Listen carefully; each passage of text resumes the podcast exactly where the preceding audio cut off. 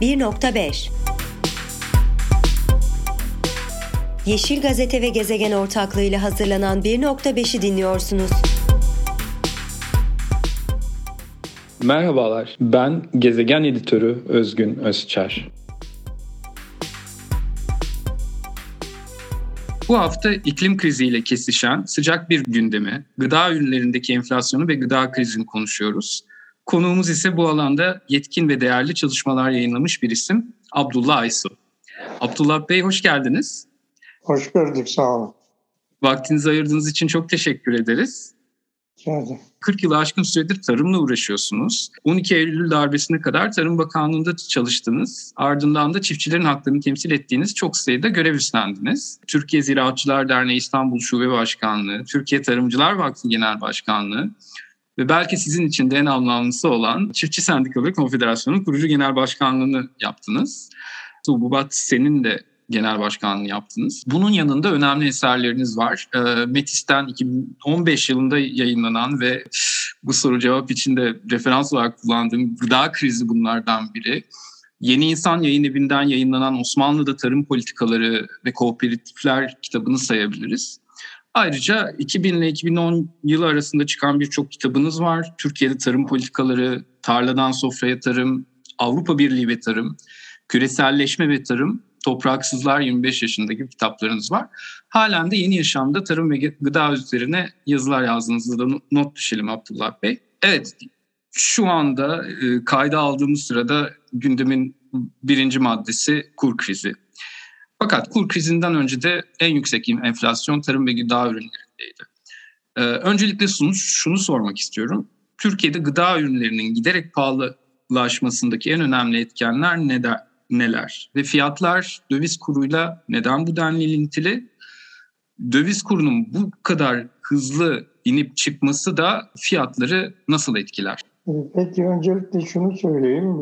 1980'den ee, bu yana değişik bir tarım politikası uygulanmaya başladı. 1980 yıllarına kadar e, temel gıda maddelerinde kendine yeterli olan Türkiye giderek aşamalı bir biçimde e, temel gıda maddelerinde dışa bağımlı bir konuma doğru taşındı ve e, bunda elbette ki üretim girdilerinin içeride sağlanamaması ve dışarıdan sağlanması, kendimize ait gübre fabrikalarımız varken bunların özelleştirilmesi, oysa ki o gübre fabrikalarının özelleştirmesi aşamasında e, uzmanların e, şöyle sözleri vardı, kimyasal gübre kullanmak yerine bu şeylerde fabrikaların teknolojisinde e, ufak tefek değişiklikler yaparak esas itibariyle e, organik gübre üretilebilir. E, ve üretilen bu organik gübreyle de e, daha sağlıklı gıda üretilebilir ve dışa bağımlılıkta da kurtulabilir. Niye dışa bağımlılık? Çünkü kimyasal gübrelerin, ham maddelerin %90-95'i dışarıdan sağlanıyor. Yani dövize bağlı ve döviz kurundan doğal olarak da etkileniyor. Aynı şekilde zaten e, tamamen dışa bağımlı olduğumuz bir başka konu mazot konusu ki bu e, çiftçiler yaklaşık yılda 3,5-4 milyar civarında litre civarında e, mazot kullanırlar ve bu e, mazot da tamamen döviz kuruna bağlıdır. E, döviz kurunun aşağı yukarı oynaması ve e, yükselmesi otomatikmen e, çiftçiyi doğrudan etkiler. E, nasıl ki halkımızı etkiliyorsa çiftçilerin üretimini ve kazancını da e, doğrudan etkilemektedir. E, birkaç örnek vermek gerekirse şu anda mazot e, 11 bin liraya yaklaştı. Gübre de bu döviz kurunun düşmeden önceki dönemde 17 liraları buldu. E, bunu şöyle bir kıyaslama yapabiliriz. Gübrede 17 bin liralık bir tonluk gübreyi alabilmek için aşağı yukarı iki dönüm arazi satmak gerekiyor. Türkiye'deki e, verimli toprakların ortalama fiyatı yaklaşık 10, deka, 10 bin lira civarında. E, mazotta da 11 liraya çıktı. E, bunlar da kıyasladığımızda çok ciddi bir sorunla karşı karşıya olduğumuzu ve bir gıda kriziyle karşı karşıya olduğumuzu gösteriyor. Şimdi bizi izleyenler doğal olarak şunu söyleyeceklerdir. Döviz kuru düştü. Buna göre gübre fiyatları da düştü, düşmüştür. Evet yani işte DAP 12 liraya düştü. Şey 8,5 liraya 20 çarpı 20 20-20 gübre e, işte 8,5 liraya düştü. E, bunların önceki fiyatları 17 ile 15 civarında geziyordu. E, şimdi böylesine bir düşüşte çiftçinin de kazançlı olduğunu düşünüyor olabilir insanlar. Ama gerçek öyle değil çünkü bu sözünü ettiğim gübreler, fiyatı düşen gübreler esas itibariyle çiftçiler tarafından zaten toprağa atılmış olan gübrelerdi. Bundan sonra Nisan ayında üre, azotlu gübre atacağız. Yani üre atacağız. E, o döneme kadar döviz kurlarındaki oynama e, yine e, gübreyi etkileyecektir. Dolayısıyla e, maliyet e, şu anda çiftçiler için maliyet kur düştü diye maliyet düşmüş değildir. Yani öyle bir noktaya gelindi ki araziyi verimli kılmak için verimli arazi satmak gerekiyor diyorsunuz. Evet.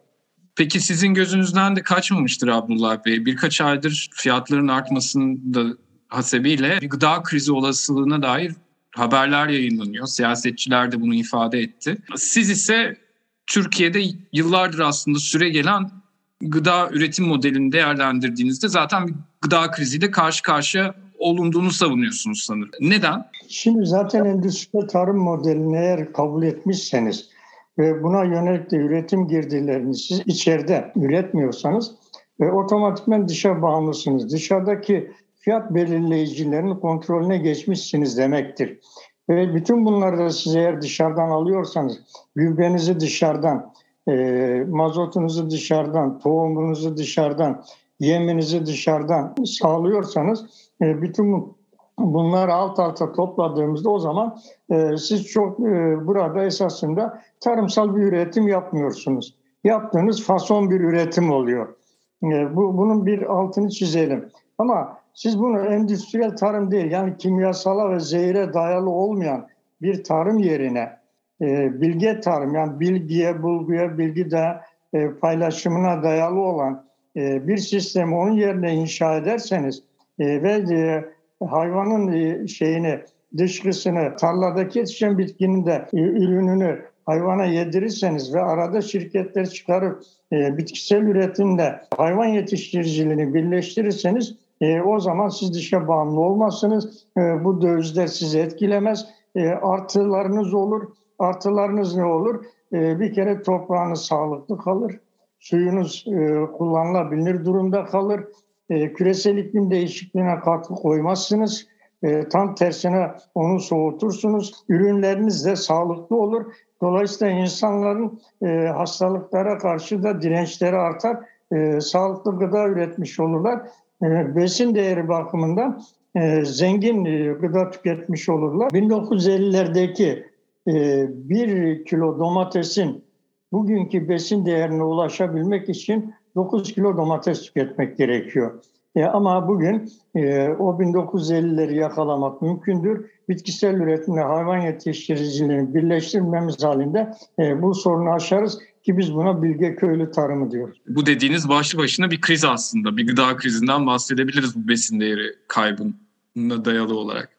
Peki bu daha yerel üretim modelinden, bilgi tarımdan bahsediyorsunuz ama yakın dönemde hükümetin de yerli üretim logolu ürünleri öne çıkarma gibi inisiyatiflerine tanık olduk. E, bir taraftan Ata Tohum projesini benden çok daha iyi biliyorsunuzdur. Yani hibrit ithal tohumlara karşı geliştirildiği söyleniyor. Ne kadar etkin olduğunu siz benden daha iyi tanık olmuşsunuzdur. Ama süpermarketlere baktığınızda intiba tam tersi yönünde. Menşei Türkiye olmayan ve yalnızca Türkiye'de ambalajlanan ürünlere eğilim fazlasıyla var sizin bahsettiğiniz üzere. Yönetenlerin bu söylem ve politikalar arasındaki farkı nasıl değerlendiriyorsunuz siz? Endüstriyel tarımı eğer e, uyguluyorsanız e, bundan mutlaka surette e, üretim girdilerinizde kimyasala dayalı olur. Şimdi bu kimyasala dayalı olan bir, bir sistemde elde edeceğiniz ürünün e, sağlıklı ve yere olması mümkün değil. E, bu nereden itibaren başlıyor? Sizin de sözünü ettiğiniz gibi e, tohumdan başlıyor. Çünkü tohumu ele geçiren tarımı ele geçirir. E, nedeni e, eğer siz toprağa e, tohum atmazsanız istediğiniz kadar gübre ve ilaç kullanın verim elde edemezsiniz. Fakat toprağa siz tohum atar da hiç gübre kullanmazsanız, hiç ilaç kullanmazsanız yine e, verim elde edebilirsiniz. Çok olmasa bile e, yine verim elde edebilirsiniz. Onun için tohumu ele geçiren aslında bir yanıyla e, tarımı ele geçiriyor. Fakat bununla kalmıyor. Şimdi bu tohumu ele geçirenler tohumu kısırlaştırıyor, hibrit haline getiriyor, kısırlaştırıyor ve kısırlaştırdığı bu tohumla birlikte bir üretim elde, ürün elde etmeye çalışıyor.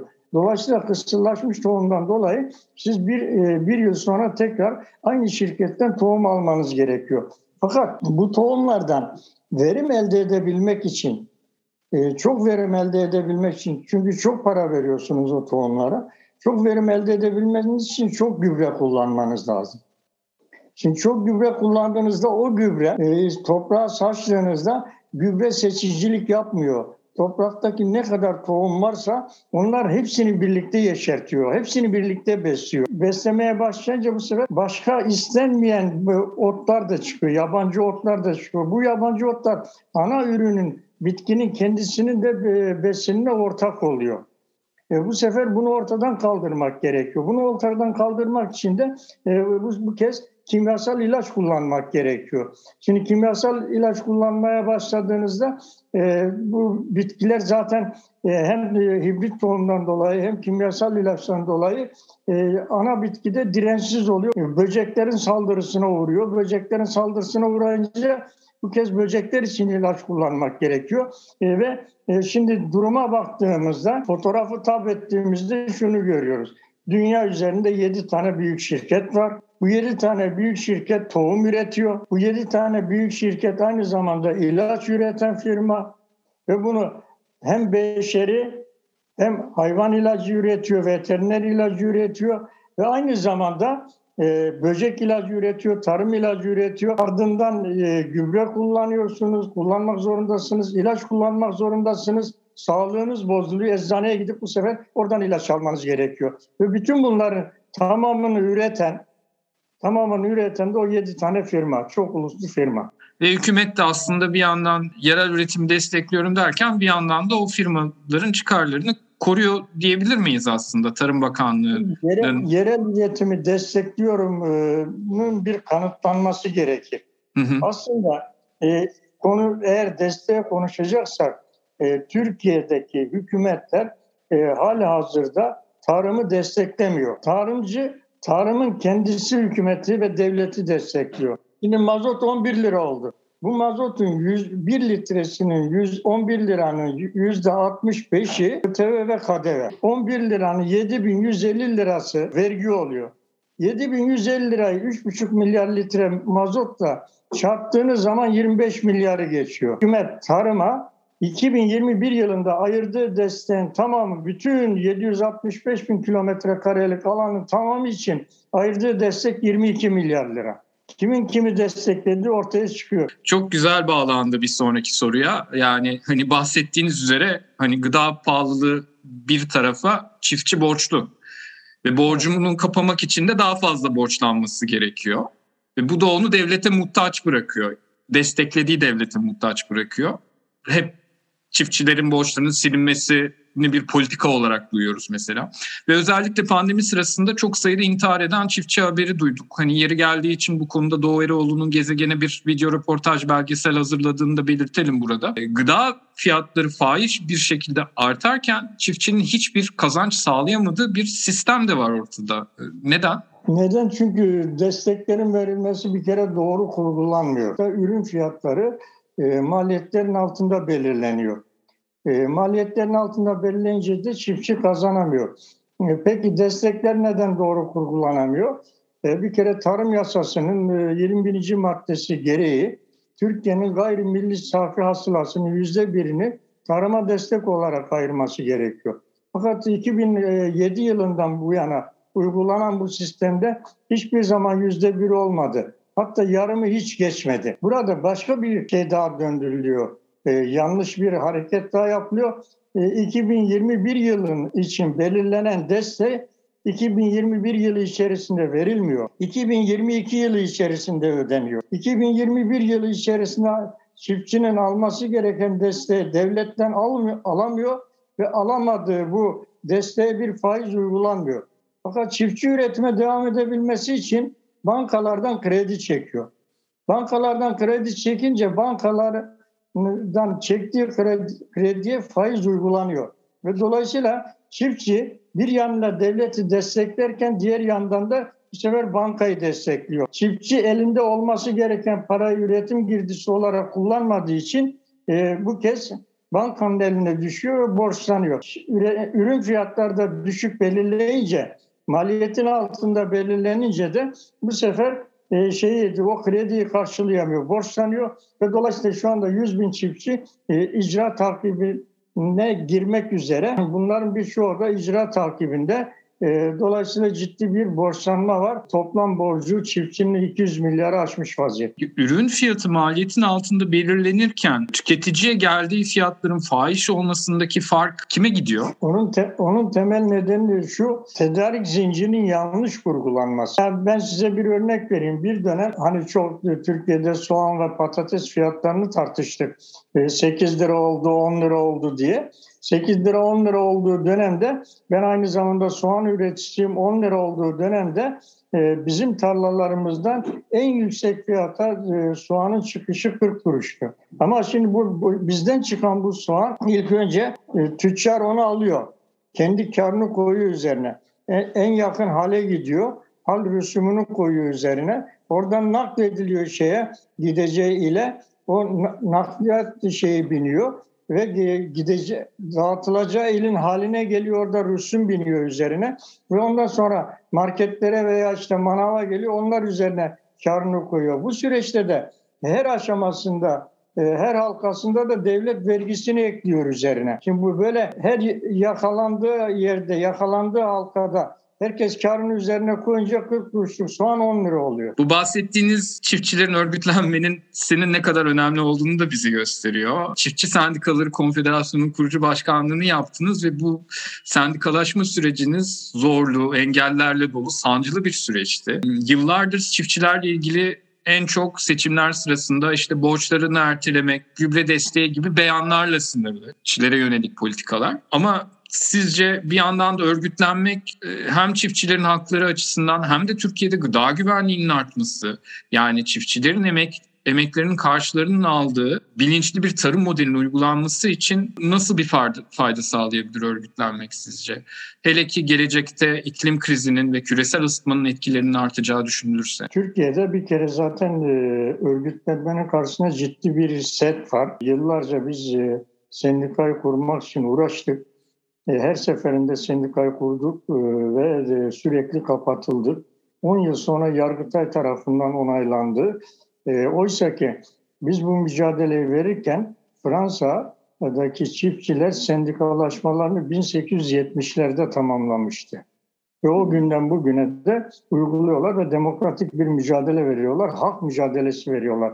Çünkü sendika hak mücadelesidir. Sendikalar ve kooperatifleri karşı karşıya getirmeden onların ortak bir çalışmasını organize edecek e, ve ortak bir e, mücadele ekseni etrafında birleştirip buluşturup e, öyle bir mücadelenin kendisini inşa etmemiz halinde birçok haklar alınır ve bu hakların temel alınma biçiminde de bir ekolojik tarıma, bilge köylü tarımına geçmek mümkün olabilir. E, ama her şeyden önce bugünden yarına ertelemeyeceğimiz e, bir talebimizin olması lazım. Ve bu, bu talep şudur, e, fiyatlar belirlenirken çiftçinin devam edebilmesi ve borçlanmaması için fiyatlar belirlenirken maliyet artı %25 kazanç artı insancı yaşam payını üzerine ekledikten sonra bir fiyatın belirlenmesi halinde çiftçi zarar etmez, üretim desteklenmiş olur. Üretim desteklendiği andan itibaren de dışa bağımlılık ortadan kalkar e, ve dışa bağımlılık kalktığı e, oranda da gıda güvencesi bu ülkede sağlanır. Aşamalı bir biçimde de sağlıklı gıda üretimine e, merkezi devlet politikası ve yerel yönetimler aracılığıyla geçilir hem bu bahsettiğiniz vizyonun gerçekleşmesi dileğiyle hem de bu temenniyle bu söyleşiyi kapıyoruz. Çok teşekkürler Abdullah Bey davetimizi kabul ettiğiniz için. Herkese de bir başka 1.5'te görüşmek üzere. Hoşçakalın. Podfresh teknik altyapısıyla hazırlanan 1.5'i dinlediniz.